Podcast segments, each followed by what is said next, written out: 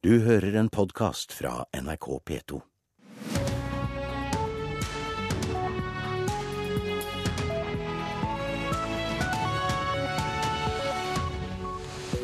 Øystein Heggen ønsker deg velkommen til Nyhetsmorgen. Vi fortsetter straks med mer informasjon om den første renteøkningen i USA på nærmere ti år. LO håper på et bedre samarbeid med den nye arbeidsministeren Anniken Hauglie enn de hadde med Robert Eriksson.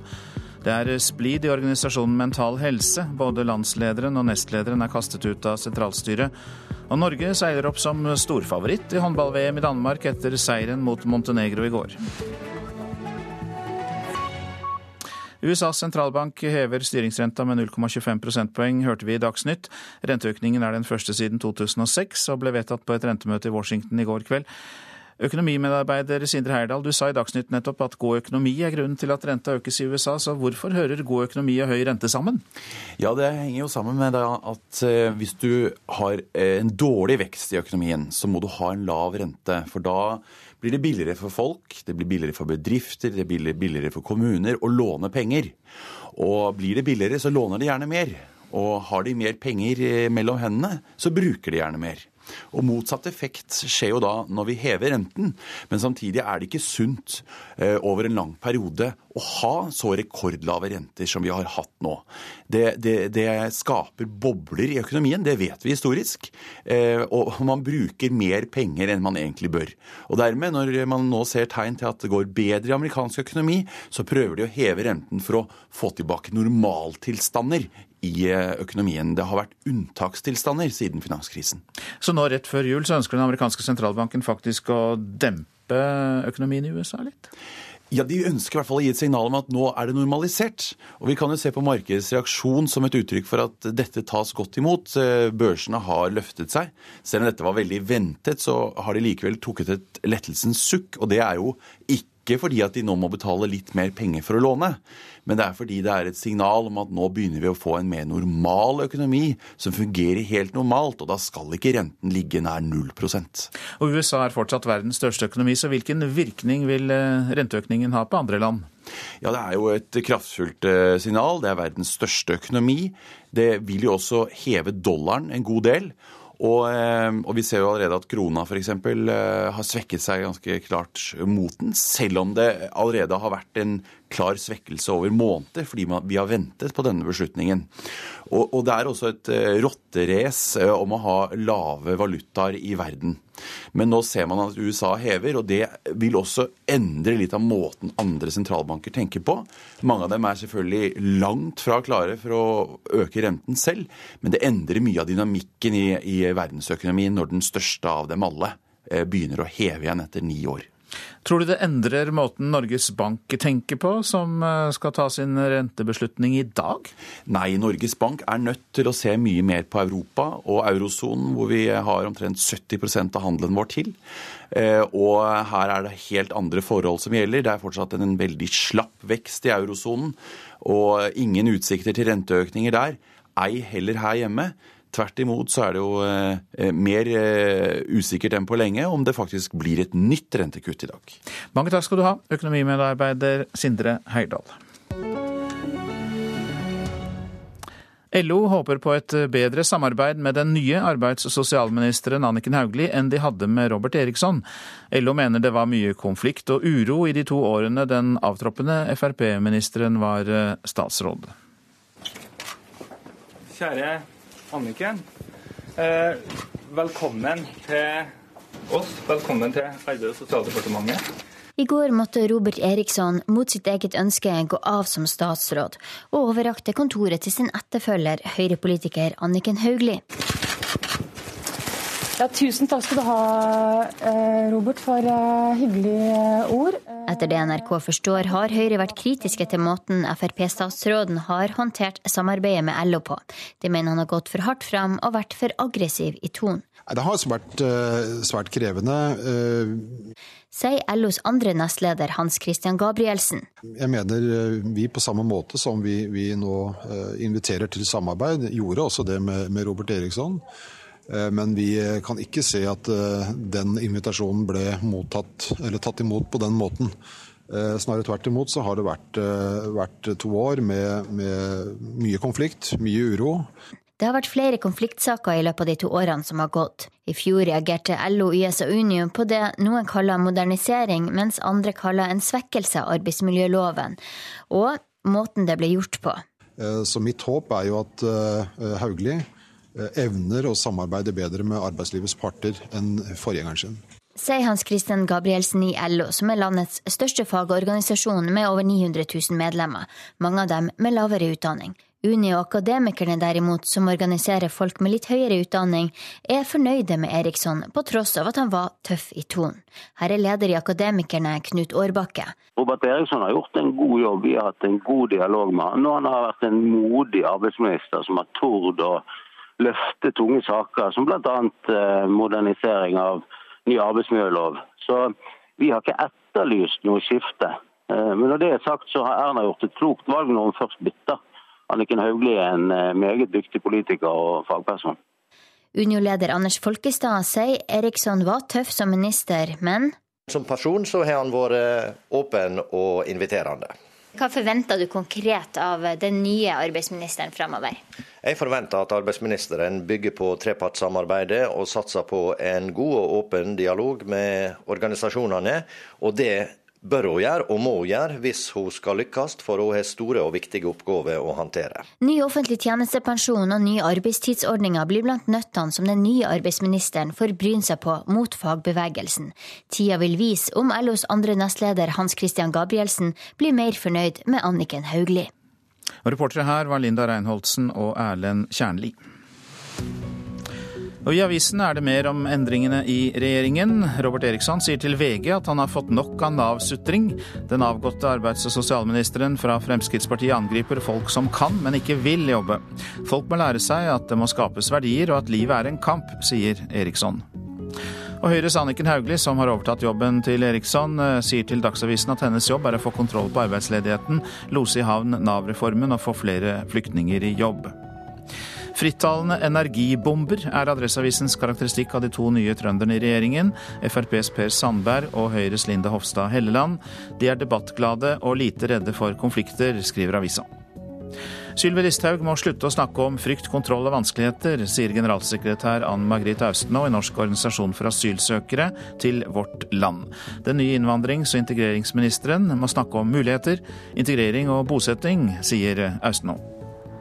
KrFs eh, tidligere statsminister Kjell Magne Bondevik frykter en ny hatbølge, kan vi lese i Dagbladet. Når Sylvi Listhaug sier hun ikke vil ha mer av godhetens tyranni, er det et eksempel på at man blir grepet av en stemningsbølge som er farlig, sier Bondevik. Jeg har ikke løyet, sier tidligere Telenor-sjef Jon Fredrik Baksås til Dagens Næringsliv.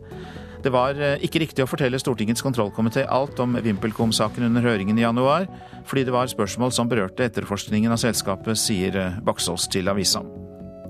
IS-olje er smuglet til Nato-landet Tyrkia, slås det fast i en hemmelig rapport fra Utenriksdepartementet. Klassekampen har fått tilgang til rapporten, som viser at mesteparten av oljen produsert i IS-kontrollerte områder er smuglet til Tyrkia. Da 13 år gamle Sofia Savadska var liten, ble hun spådd et liv i rullestol. Hun var født med ryggmargsbrokk, men etter en operasjon i Tyskland og hjelp fra ortopeder i Tromsø, så er hun nå i stand til å gå på egne ben. Det forteller Nordlys på sin eh, forside. Det var sex, drugs og rock'n'roll og kalaser betalt av plateselskapene. Artisten Ida Maria var tung alkoholiker som 24-åring. Nå er hun ferdig med rockemyten og tar et oppgjør med musikkbransjen i Aftenposten. Norge seiler opp som storfavoritt i håndball-VM i Danmark med seier 26-25 over Montenegro i går. Så skal det norske laget møte Romania i semifinalen i morgen. Russland var for mange mesterskapets favoritt, men de røk overraskende ut mot Polen i går. Ja, og det lover godt for fortsettelsen, mener kaptein Bredal Oftedal. Nei, Det er veldig mye rart som har skjedd nå, egentlig, syns jeg. Så det lover jo godt. Eh, likevel så er det jo en grunn til at de lagene som har spilt seg til semifinale, har gjort det. Så det blir vanvittig spennende. De har vunnet mot Montenegro, som bydde opp til krig. Men på slagmarken så står det kun norske jenter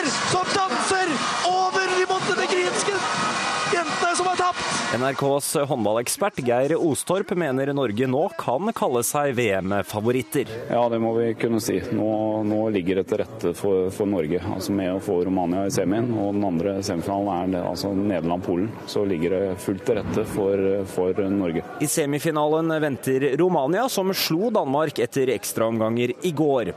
Et lag Norge slo 26-22 i gruppespillet, men Camilla Herrem er klar på at det blir en helt annen kamp i morgen. Jeg eh, tenker at det blir uh, utrolig gøy å spille mot Romania igjen.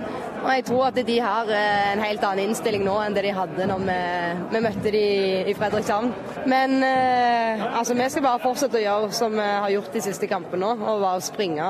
Stå godt i forsvar og springe. Landslagssjef Torir Hergeirsson mener det er helt åpent i morgen. Det er en 50-50-kamp, en beinhard kamp. Så vi skal se hva vi kan ta med oss fra kampen vi spilte mot dem sist. Og så må vi jo se hva de har gjort i de to siste.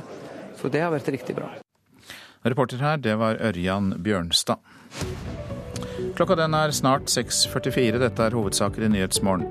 USAs sentralbank hever styringsrenta med 0,25 prosentpoeng. Renteøkningen er den første siden 2006. LO håper på et bedre samarbeid med den nye arbeidsministeren Anniken Hauglie enn de hadde med Robert Eriksson. Flere familier kurses til å bli fosterforeldre for asylbarn, men det er ikke enkelt å bli fosterforeldre for barn med krigstraumer. Det skal vi høre mer om eh, snart. Nå om eh, full splid i organisasjonen Mental Helse. Både landslederen og nestlederen er kastet ut av sentralstyret. Det som har skjedd er kommet overraskende på den, eh, kom overraskende på den avsatte landslederen Dagfinn Bjørgen. Jeg vil karakterisere dette som et eh, kupp i forhold til en valgt politisk ledelse. Det er to fremtredende forkjempere for større åpenhet og forståelse for folk med psykiske utfordringer, som nå er sparket ut av Mental Helse.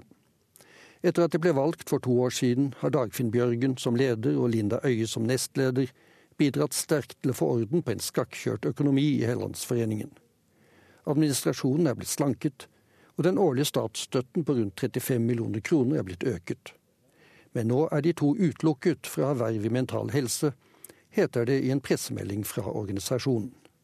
Som Dagfinn Bjørgen kommenterer slik. Det mest alvorlige er at man eh, ikke tar hensyn til eh, personer som er under sykemelding, og ikke tar hensyn til at, eh, at undertegnede fortsatt har et landsmøte å svare for. Etter det NRK kjenner til, er det samarbeidsproblemet mellom administrasjonen og nestlederen Linda Øye som har utløst uroen i organisasjonen. Øye har følt seg mobbet ut, og ble med bakgrunn i sin psykiske helseutfordring sykmeldt for et halvt år siden. Hun har siden fått støtte av sin landsleder, med det resultat at begge ble avsatt av et klart flertall i landsstyret for halvannen uke siden. Fylkeslederen i Oslo, Karen Høyland, var med på vedtaket, noe hun angrer på. Og jeg, jeg, jeg, følte meg rett og slett ganske kørt bak lyset altså, når jeg kom hjem og innhentet selv eh, mer informasjon om hele saken. Og, og, og forsto da at eh, jeg hadde gjort noe veldig galt ved å stemme for vedtaket som skulle utelukke Linda Øye. Mental Helse har som bærebjelke at når folk med psykiske helseutfordringer blir rekruttert, skal det både vises hensyn og romslighet. Det mener informasjonsleder Anlov Mathisen er blitt gjort i denne betente saken. Det har vært ganske mange mennesker involvert på forskjellige måter som ikke vi kan gå i detalj på. Det at det har vært eh, uheldige utfall, betyr ikke det samme som at det ikke er håndtert på en riktig måte.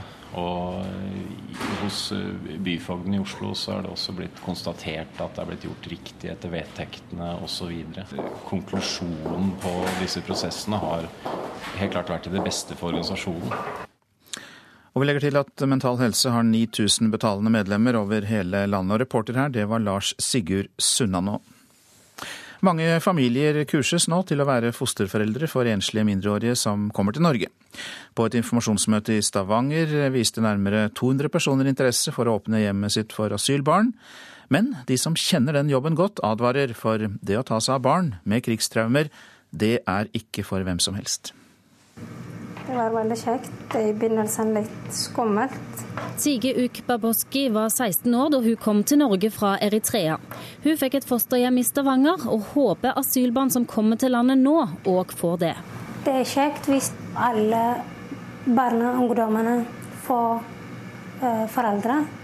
Førsteforeldrene, hvis det er mulighet. Men um, det er trist, og en del de har vært ganske tøft situasjon. Og nå er det flere hjem i Stavanger-regionen som åpner opp dørene for enslige mindreårige asylsøkere. Det forteller avdelingsleder for fosterhjemstjenesten i Stavanger, Ingvild Utåker. Det er jo en formidabel respons, og det er jo mer enn vi har opplevd noen gang i historien før. Folk har virkelig fatt at det er et enormt stort behov. Det var rekordstor interesse da Bufetat for en måned siden holdt informasjonsmøte om det økte behovet for fosterforeldre som følge av asylstrømmen. Og nå er det flere av de som er i gang med kursing. Og På det kurset vi hadde i desember nå, så var det 13 familier som deltok. Eh, og I tillegg til det så har vi så godt så fullt kurs som vi kan regne med å få til å starte opp i løpet av februar. Jeg har vært eh, fosterfar i 20 år. Eh, I dag så føler jeg meg vel mer kompetent til å kunne tatt imot et sånt barn enn jeg gjorde for 20 år siden. Geir Nilsen er fosterfar og leder i Norsk tjenestemannslag, en organisasjon for familie- og beredskapshjem.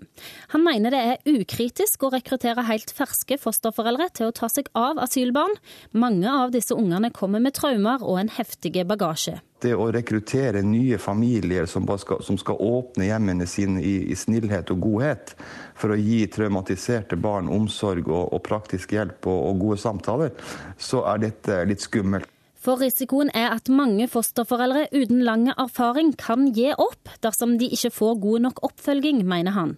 Man tar imot en ungdom, og så går det kanskje en måned, to måneder, og så klarer man ikke dette her. Hva da?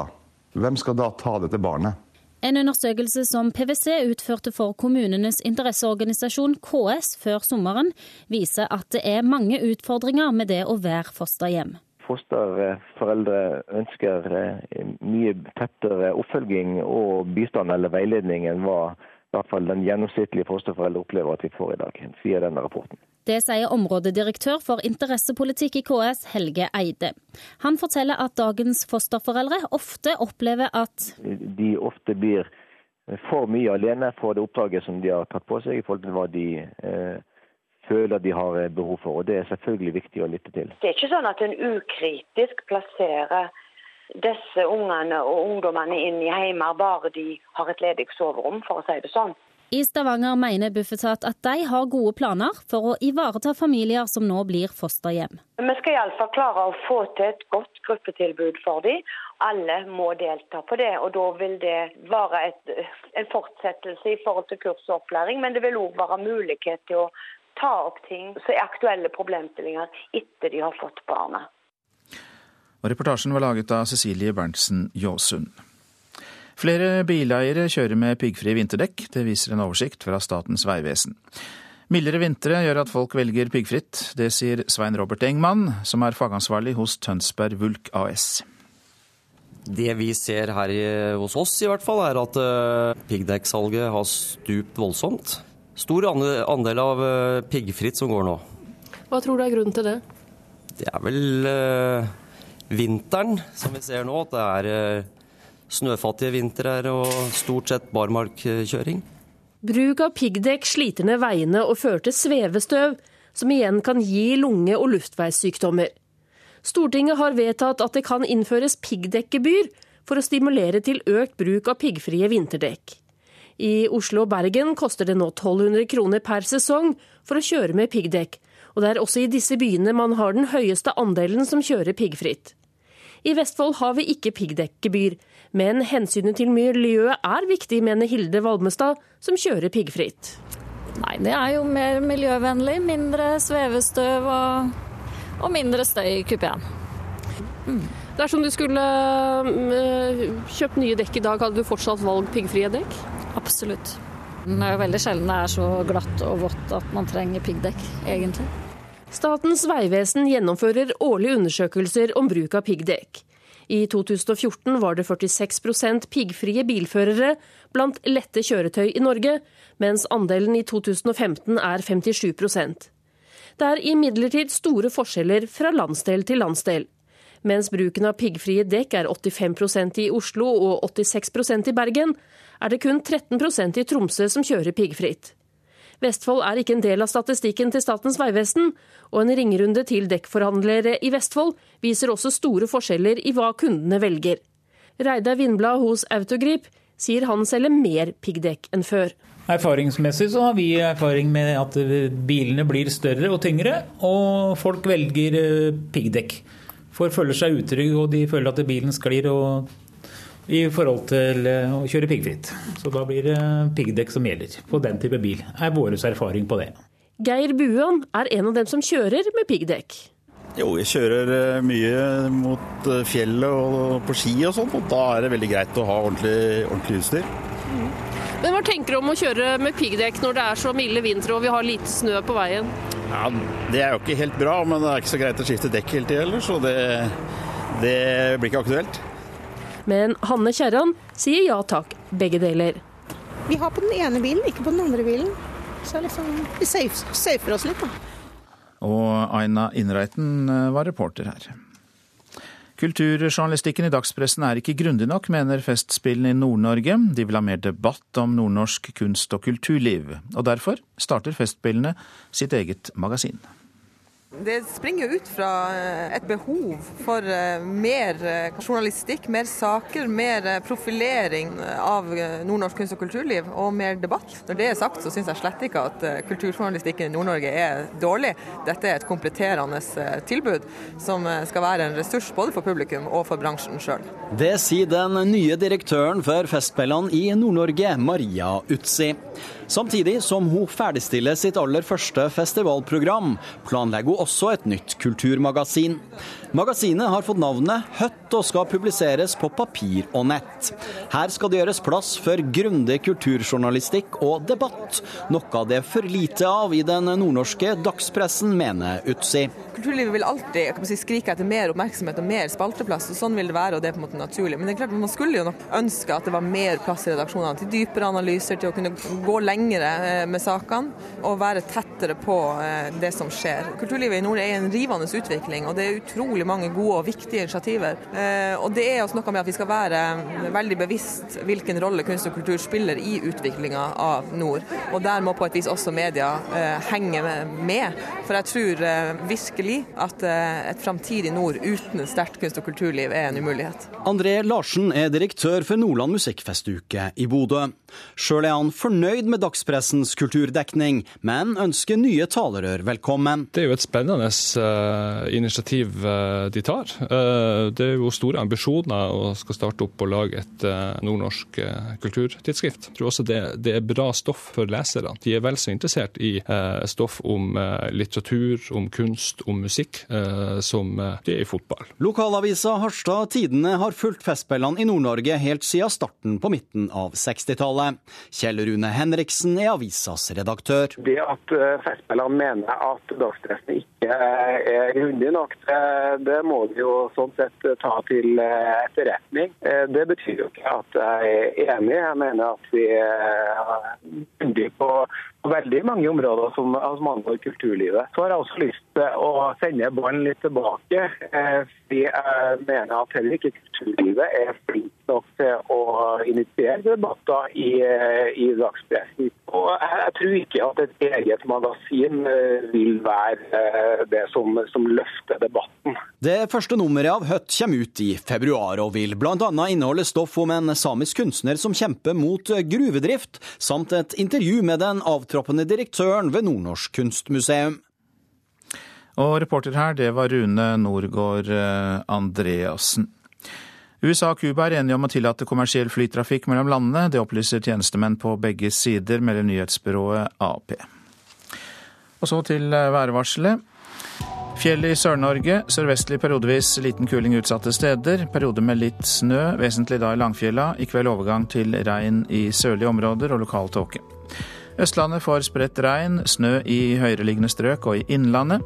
Utrygt for regn som fryser på bakken i indre områder av Østlandet og lokal tåke. Telemark får for det meste opphold og lokal tåke. Mot natten blir det litt regn i Telemark. Agder får spredt regn i vestlige områder, men ellers oppholdsvær. I kveld eh, kommer det enda mer regn i Agder. Rogaland sør og sørøst liten kuling på kysten, perioder med litt regn. Hordaland sørlig liten kuling utsatte steder. Fra seint i ettermiddag stiv kuling på kysten, perioder med regn. Og det blir snø over 1000 meter i Hordaland. Så går vi til Sogn og Fjordane. Sørlig liten kuling utsatte steder. Stedvis stiv kuling. Fra seint i ettermiddag stiv kuling på kysten, og ved Stad så blir det sterk kuling i ettermiddag. Perioder med regn blir det, og snø over 1000 meter. Møre og Romsdal sørlig stiv kuling på kysten, etter hvert noe minkende vind. I kveld sørlig sterk kuling sør på Sunnmøre. Perioder med litt regn, snø over 1000 meter. Så går vi til Trøndelag, som får sørøst liten kuling utsatte steder. Litt regn av og til, sludd eller snø i indre og høyereliggende strøk. I kveld regn også i fjellet. Nordland fra i ettermiddag sørøst liten kuling, litt spredt regn og sludd, snø i indre og høyereliggende strøk. Troms i nord sørøst liten kuling. I kveld sørøst stiv kuling utsatte steder i Nord-Troms. Det blir oppholdsvær i det fylket. Finnmark får enkelte snøbyger. Fra i ettermiddag sørøst stiv kuling utsatte steder i vest. Litt snø på vidda, men ellers opphold. Og vi går ut til Nordensjøland på Spitsbergen. Østlig liten kuling utsatte steder. I kveld kan det bli opptil liten storm. Og det blir oppholdsvær. Og så tar vi med oss temperaturene, og disse ble målt klokka fire i natt. Svalbard lufthavn var det nede i minus 13. Kirkenes minus 8. Vardø minus 2. Alta minus 11. Tromsø-Langnes minus 7. Og så kommer plussgradene her. Bodø pluss 1, Brønnøysund 4, Trondheim og Molde begge 1, Bergen 7, Stavanger 9. Kristiansand-Kjevik 3 og Gardermoen minus 3. Så var det Lillehammer og Røros. Begge hadde minus 9, mens Oslo-Blindern hadde null grader klokka fire.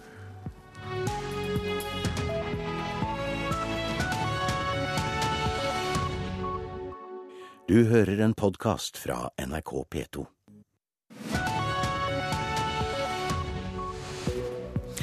Nyhetsmorgen fortsetter med disse sakene. Hvordan kan vi forhindre at folk med falske syriske pass kommer til Norge? Nasjonalt ID-senter svarer. Vi skal høre med Riksarkivet hvorfor det er så stor interesse for å søke i Landsvik-arkivet. Første renteøkning på ti år kom altså i USA i går. Hvilke virkninger får det, utover at dollaren allerede har styrket seg kraftig? Og Putin skal møte pressen i dag. Der får han nok spørsmål om Syria og Ukraina, men også spørsmål om parkeringsavgifter i de russiske storbyene. Tusenvis av asylsøkere kommer til europeiske land med falske dokumenter og utgir seg for å være syrere. Og fordi nesten alle syrere får opphold. Tyske myndigheter anslår at 30% av de som hevder de er syriske, ikke er det. I Norge har Utlendingsdirektoratet UDI hittil i år nektet under 1% av asylsøkerne opphold, fordi de ikke tror at de er syrere. Vi er i Tyrkia. Aksarøyplassen i Istanbul er knutepunktet for migranter og flyktninger på vei til Europa og menneskesmuglere. Med skjult mikrofon møter vi en mann som skaffer syriske pass til folk som vil søke asyl.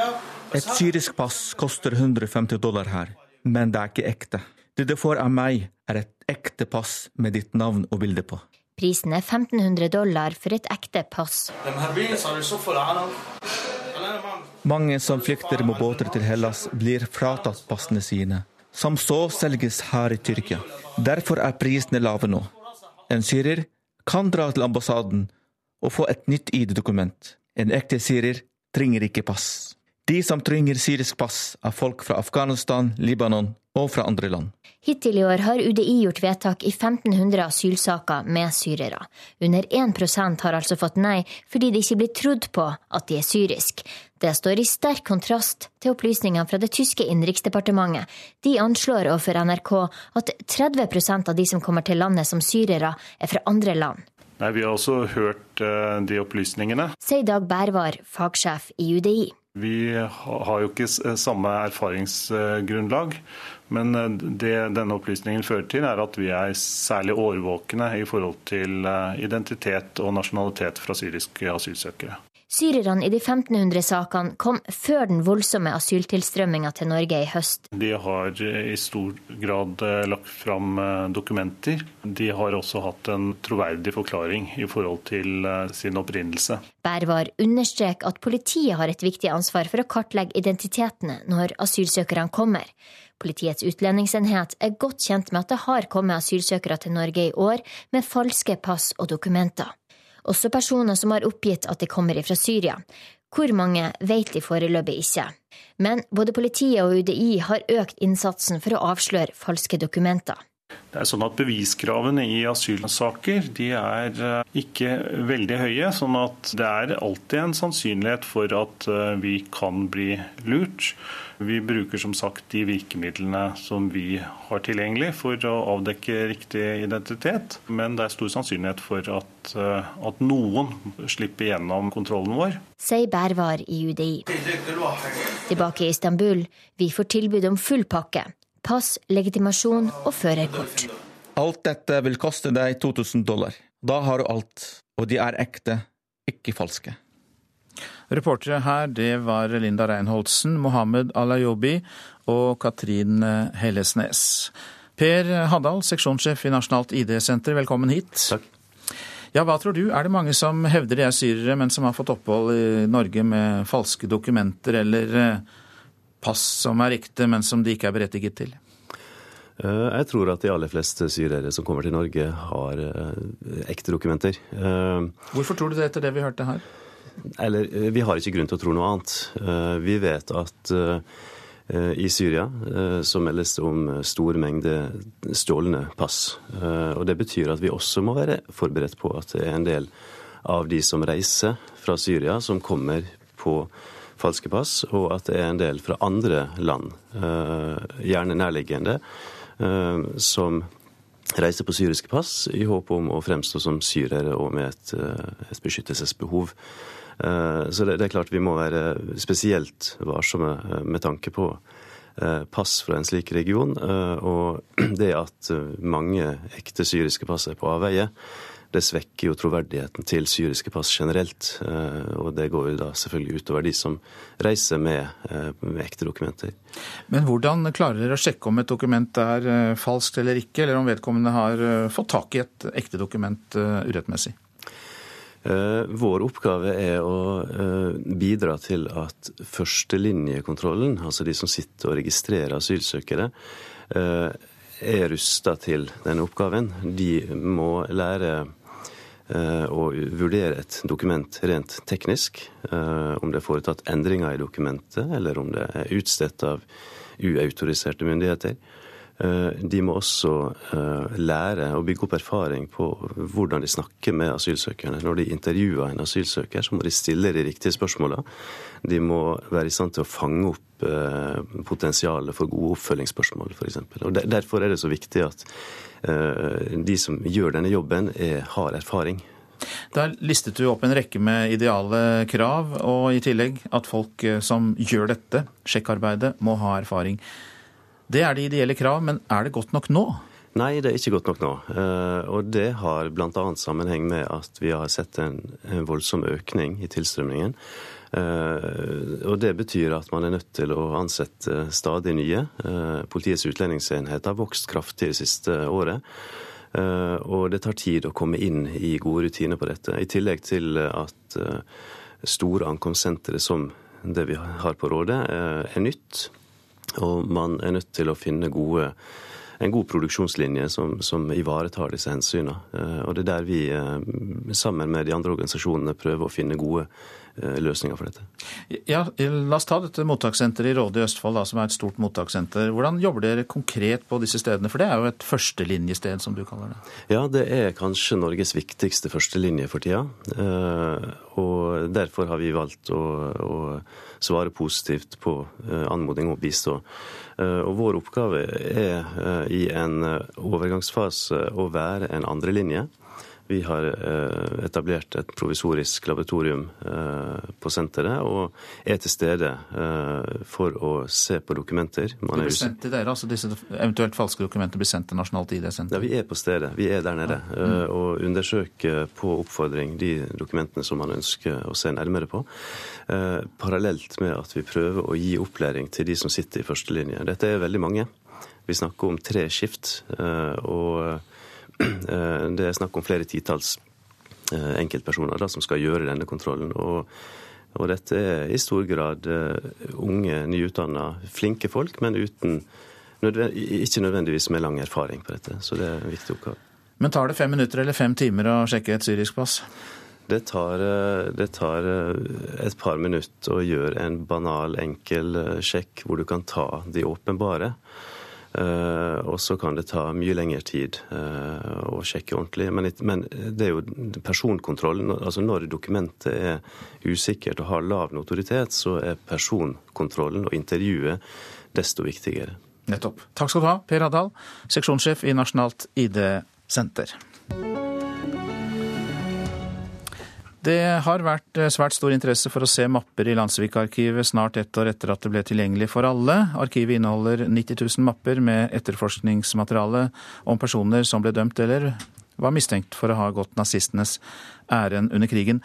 Og 52 år gamle Sven André Haug ville finne ut mer om familien i Østfold, som han ble adoptert inn i da han var eh, liten gutt. Dette er jo da en eh, medlemsbok i Nasjonal Samling. Det var da min eh, onkel. Bildet av onkelen er på den ene sida av den lille røde medlemsboka. På neste sida er det bilde av partifører Vidkun Quisling. Over 70 år etter naziokkupasjonen av Norge har Sven André Haug fått se de tre mappene han ba om innsyn i i Landsvikarkivet. De gulna papirene forteller at onkelen slåss for tyskerne på østfronten, og senere var med i Hirdens førergarde. Det var jo litt overraskende, for han var vel den uh, mildeste personen jeg visste om. Mens onkelen ble dømt til fire års tvangsarbeid, fikk besteforeldrene bot for medlemskap i NS og tap av statsborgerlige rettigheter i ti år. Bestemora ble i tillegg fradømt retten til å arbeide som lærerinne. Arkivhyllen rulles til sides. Her er 1200 hyllemetere og 90 000 mapper med millioner av sider med dokument fra Landsvik-oppgjøret etter krigen. Interessen for å se dette materialet har vært stor det siste året, sier underdirektør Erland Pettersen i Riksarkivet. Etter åpningen 1.1 har vi vurdert 10 000 eh, Landsvik-saker. Hvem er den typiske som kommer og ber om å få se mappa fra Landsvik-arkivet?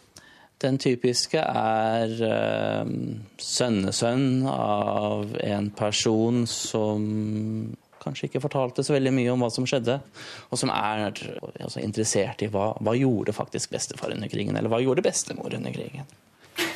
Pensjonert professor i historie Ole Kristian Grimnes sier krigstida etterlot seg sår i mange familier i lang tid. For å sette på spissen noen krigsseilere, på den andre siden frontkjempere. Eh, som slåss på østfronten på tysk side. Eh, det er klart at i, i sånne familier så eh, var splittelsen veldig dyp. Grimnes er spesialist på okkupasjonshistorien og mener det er bra at hvem som helst nå kan be om innsyn i Landsvik-arkivet. Det er mulig jeg var i tvil for et år siden, men det må være bedre at så mange har vært der og sett det, enn at, enn at mange fortsatt skal gå og lure på ting. Under oppveksten i Østfold begynte Sven André Haug tidlig å lure på hva som skjulte seg i fortida. Jeg husker fra min barndom på, på gården at uh, jeg fant en del nazistiske effekter. og uh, det har ligget litt sånn i bakhodet. og Jeg driver og leter i min egen historie litt og tenkte at dette her blir litt sånn påfyll av historien. Litt for å vite man, altså, hva som følger med den familien som adopterer det. Reportasjen var laget av Kjartan Røslett. Erland Pettersen, riktig god morgen til deg. God morgen. Du er underdirektør i Riksarkivet, og vi hørte jo litt fra deg i innslaget også. Nå er du med oss i studio. Hvorfor tror du det er så stor interesse for å se disse mappene i Landsvik-arkivet? Dette er jo Norges nære historie, og krigen er eh, fortsatt eh, viktig, selv 70 år eh, etter krigsslutt.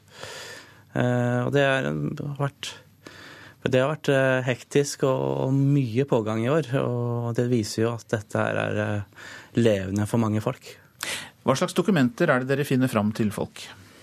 Det er eh, etterforskningsdokumenter i forbindelse med Landsvik-oppgjøret etter krigen. Det er avhørsrapporter, politietterforskning. Det kan være NS, altså bøker etter NS-medlemskap, frontkjempermedaljer. Det kan være blodige kniver eller torturredskaper. Du finner alt mulig rart i våre arkiver. Så det er både dokumenter og gjenstander, og de har folk tilgang til alle sammen? Det stemmer. Vi tar en gjennomgang, for det kan være enkeltdokumenter knyttet til f.eks. helse som fortsatt er underlagt taushetsplikt. Så vi må gå gjennom eh, saken på forhånd, men eh, i utgangspunktet er alt knyttet til krigen fritt tilgjengelig. Hvordan reagerer folk? Det er eh, mye nysgjerrighet mange som er nysgjerrig. Hva gjorde faktisk bestefar eller bestemor? De har, som det kom frem eh, i innslaget, kanskje ikke sagt så mye hjemme. Og, det, det er typisk. Og så kan det være ganske sterke reaksjoner også. Det er folk som har vært på, med på mange fæle ting. Å se det svart på hvitt kan være tungt. De blir overrasket over sin egen familie? De kan bli overrasket over egen familie, ja. Er det noen historier som har gjort spesielt inntrykk på deg? I tillegg til mengden i seg selv, så er det jo de små hverdagshistoriene.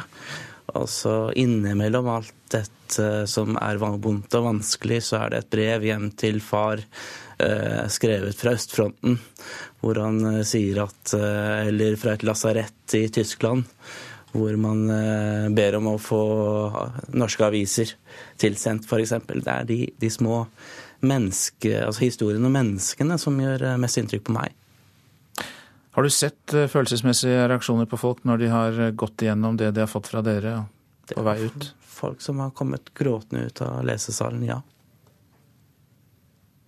Og hvis man vil ha innsyn, hva skal man gjøre?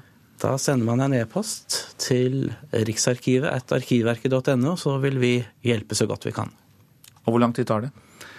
Det kommer an på hvor mange som henvender seg, men i utgangspunktet så kan det ta en ca. en måned.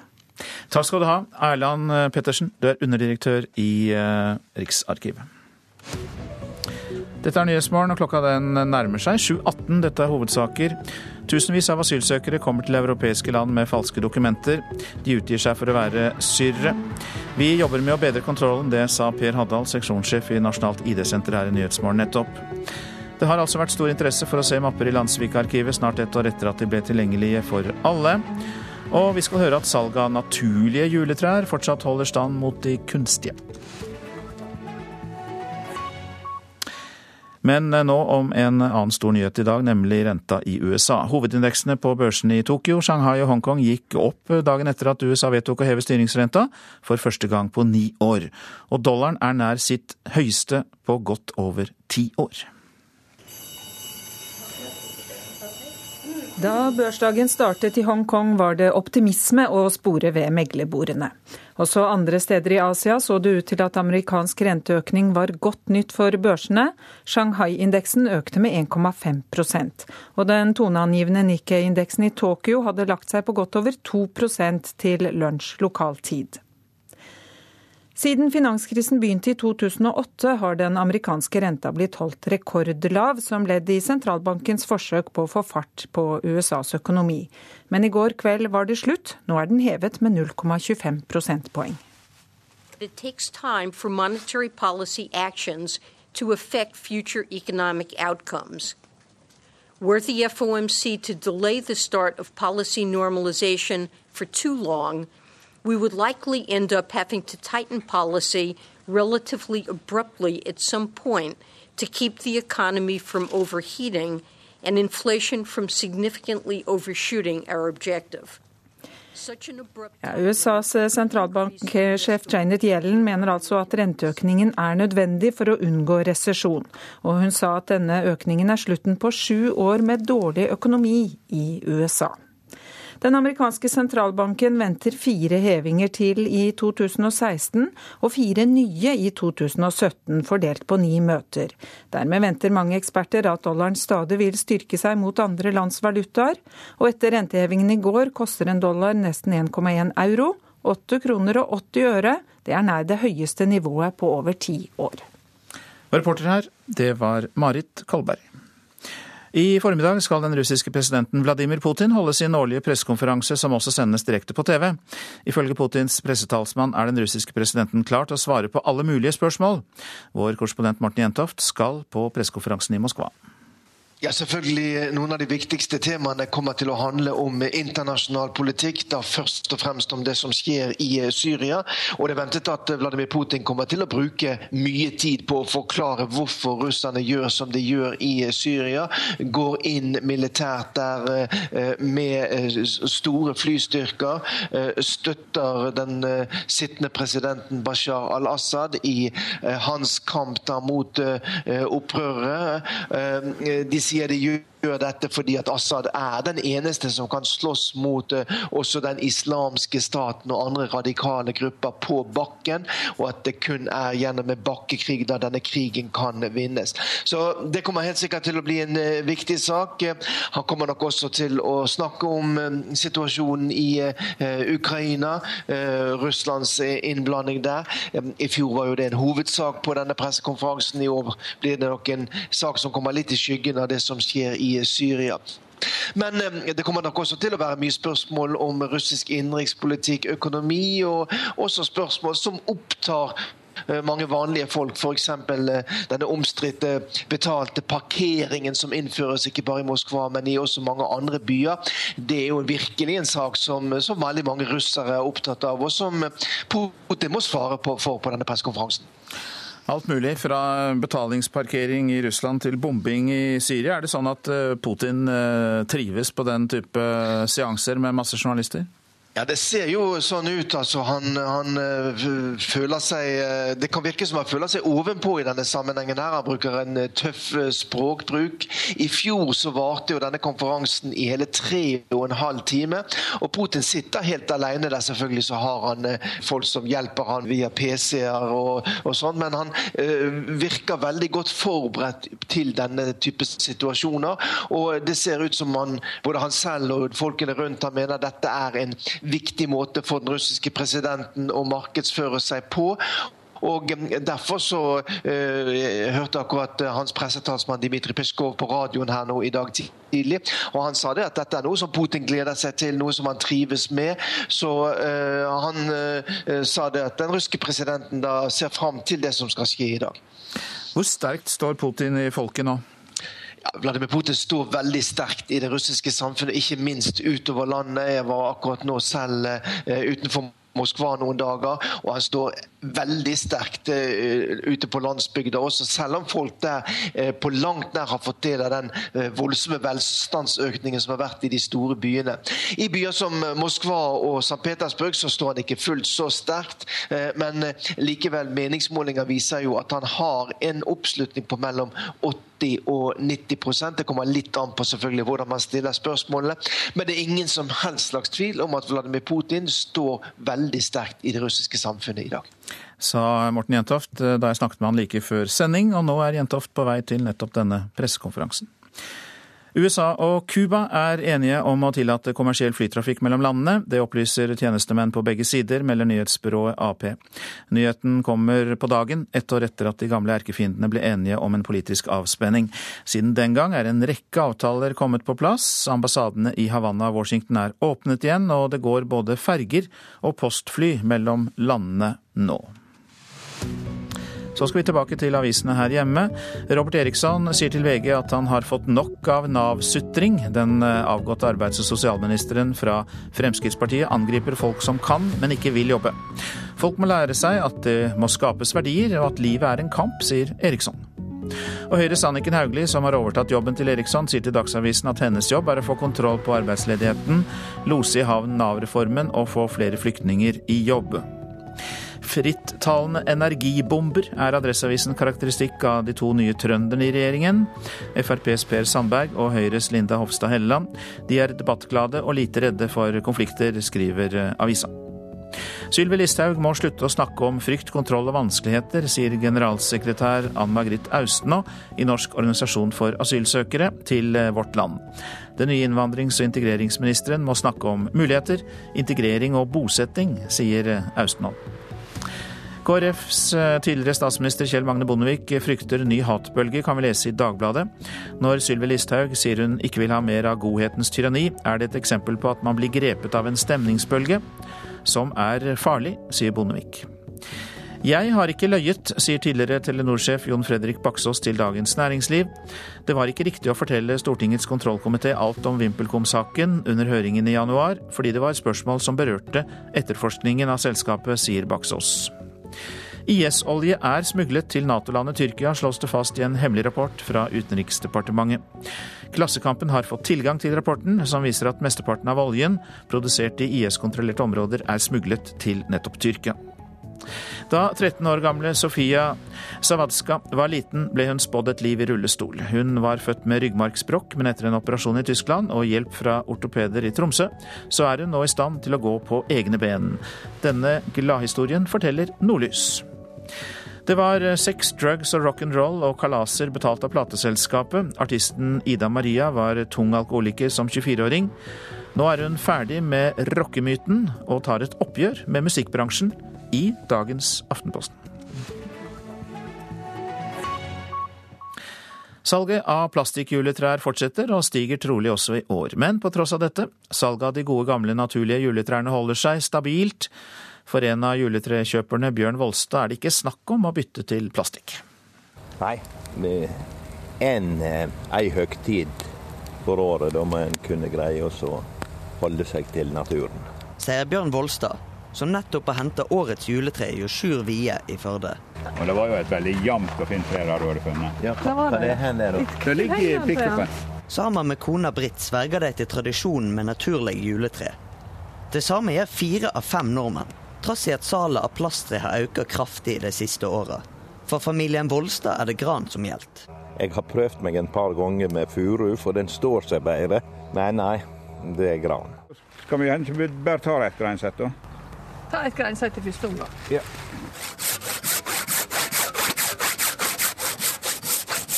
Og dette er nyskåret og klart å sette på fot.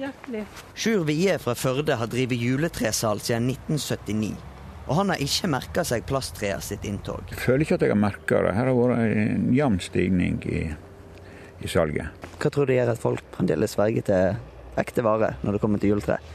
Lukt er en vesentlig del, men at det skal være et naturprodukt, tror jeg er viktig for opplevelsen av jula. Selv om granen fremdeles er det mest populære juletreet, er det et annet tre som har størst øke. Dens overgang til, til edelgran, og den har foregått lenge. Jon Anders Strande er daglig leder i Norsk juletre. Han har merka seg at flere har fått øynene opp for edelgraner, både i Norge og i utlandet. På edelgransegmentet så ser vi jo en voldsom vekst på norsk fjelledelgran. da som, som, er blitt veldig populær de siste årene. Så har vi jo veldig stor etterspørsel fra utlandet, og vi begynner jo nå å kunne levere litt ut. Men, men vi er på langt nær der at vi klarer å fylle utenlands etterspørsel. Blant de vi traff på gata i Førde, er det fremdeles det gamle, tradisjonelle juletreet som gjelder. Edelgran, som noe vi har det ekte inne. Lukta og ja. Vi hogger det i skogen vår. Vi vil ha ekte. Det er ekte, så lukter godt. Det er litt forskjellig, men uh, jeg tror jeg kjøper gammeldags, sånn som jeg alltid pleier. Det er vel noe med vanen. Det er noe med lukta, og det er noe med det som du har vært vant til hele tida. Og tilbake i juletreskogen til Sjur Vie kommer kundene rennende inn ei drøy uke før jul. Her, er, her, kan de hogge sjøl. Det er veldig fersk vare. Det er dagsfersk vare. Ja, ja. Yes. God jul. Riktig god jul. På juletrejakt i Førde, reporter Thomas Brakstad. Du lytter til Nyhetsmorgen. Vår produsent i dag, Marit Selmer Nedrelid. I studio, Øystein Heggen. Baseball-demokrati er tema for reportasjen etter Dagsnytt for tøværet mellom Cuba og USA, som vi nettopp hørte om. Det skal vi også høre mer om etter Dagsnytt, om utveksling av idrettsutøvere. Og dagen etter utskiftningen i regjeringen, så kommer statsminister Erna Solberg til Politisk kvarter, dvs. Si kvart på åtte.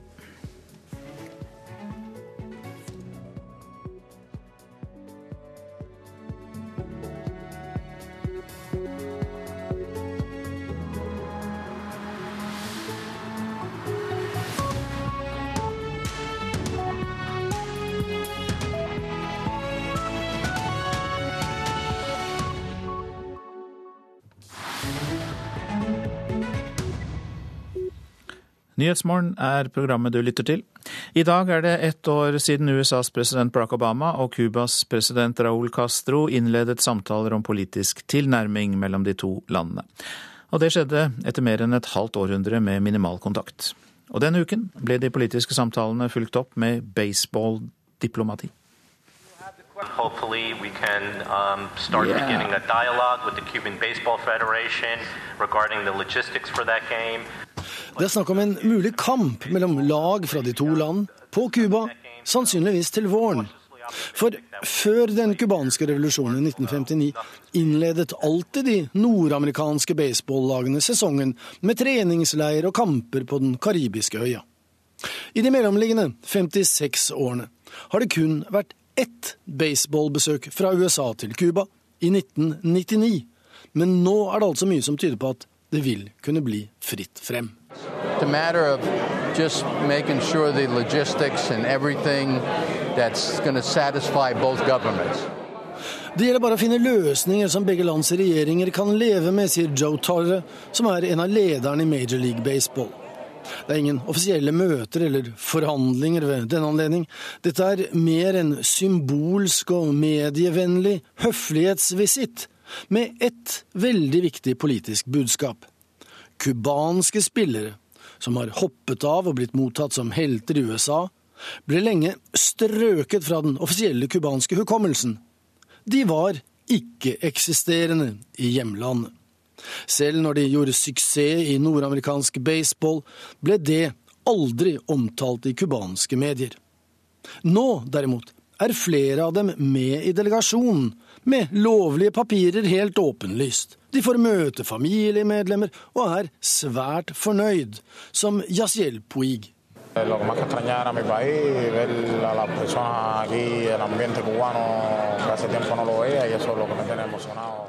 Puig var en av dem som flyktet.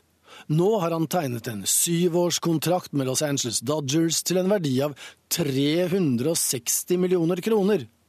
Delvis fordi han er god, men også fordi avhoppere fra Cuba lettere har fått arbeids- og oppholdstillatelse i USA enn andre immigranter.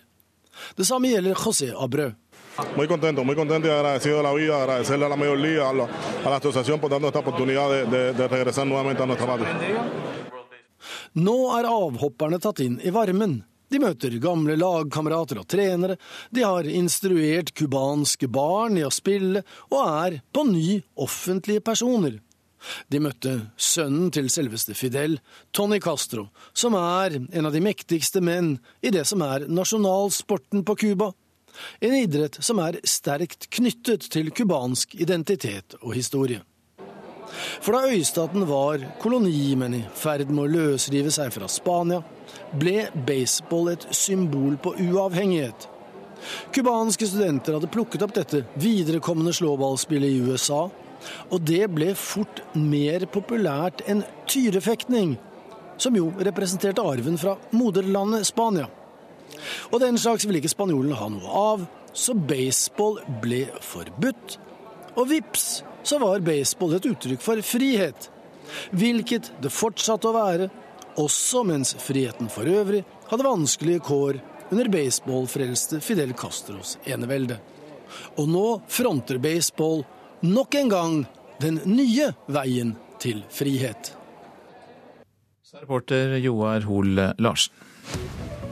Dette er Nyhetsmorgen, og dette er hovedsaker. Kronen er svekket etter USAs renteheving i går. Det kan bli et nytt kronefall i dag. Tusenvis av asylsøkere kommer til Europa med falske dokumenter og utgir seg for å være syrere. Vi jobber med å bedre kontrollen, sier Per Haddal, seksjonssjef i Nasjonalt ID-senter. LO håper på et bedre samarbeid med den nye arbeidsministeren Anniken Hauglie enn de hadde med Robert Eriksson. Det har vært svært stor interesse for å se mapper i Landsvik-arkivet snart ett år etter at arkivet ble tilgjengelig for alle. Og Norge seiler opp som storfavoritt i håndball-VM i Danmark etter seieren mot Montenegro i går. Så går det mot Politisk kvarter, og der er Bjørn Myklebust programleder. Du har hørt en podkast fra NRK P2.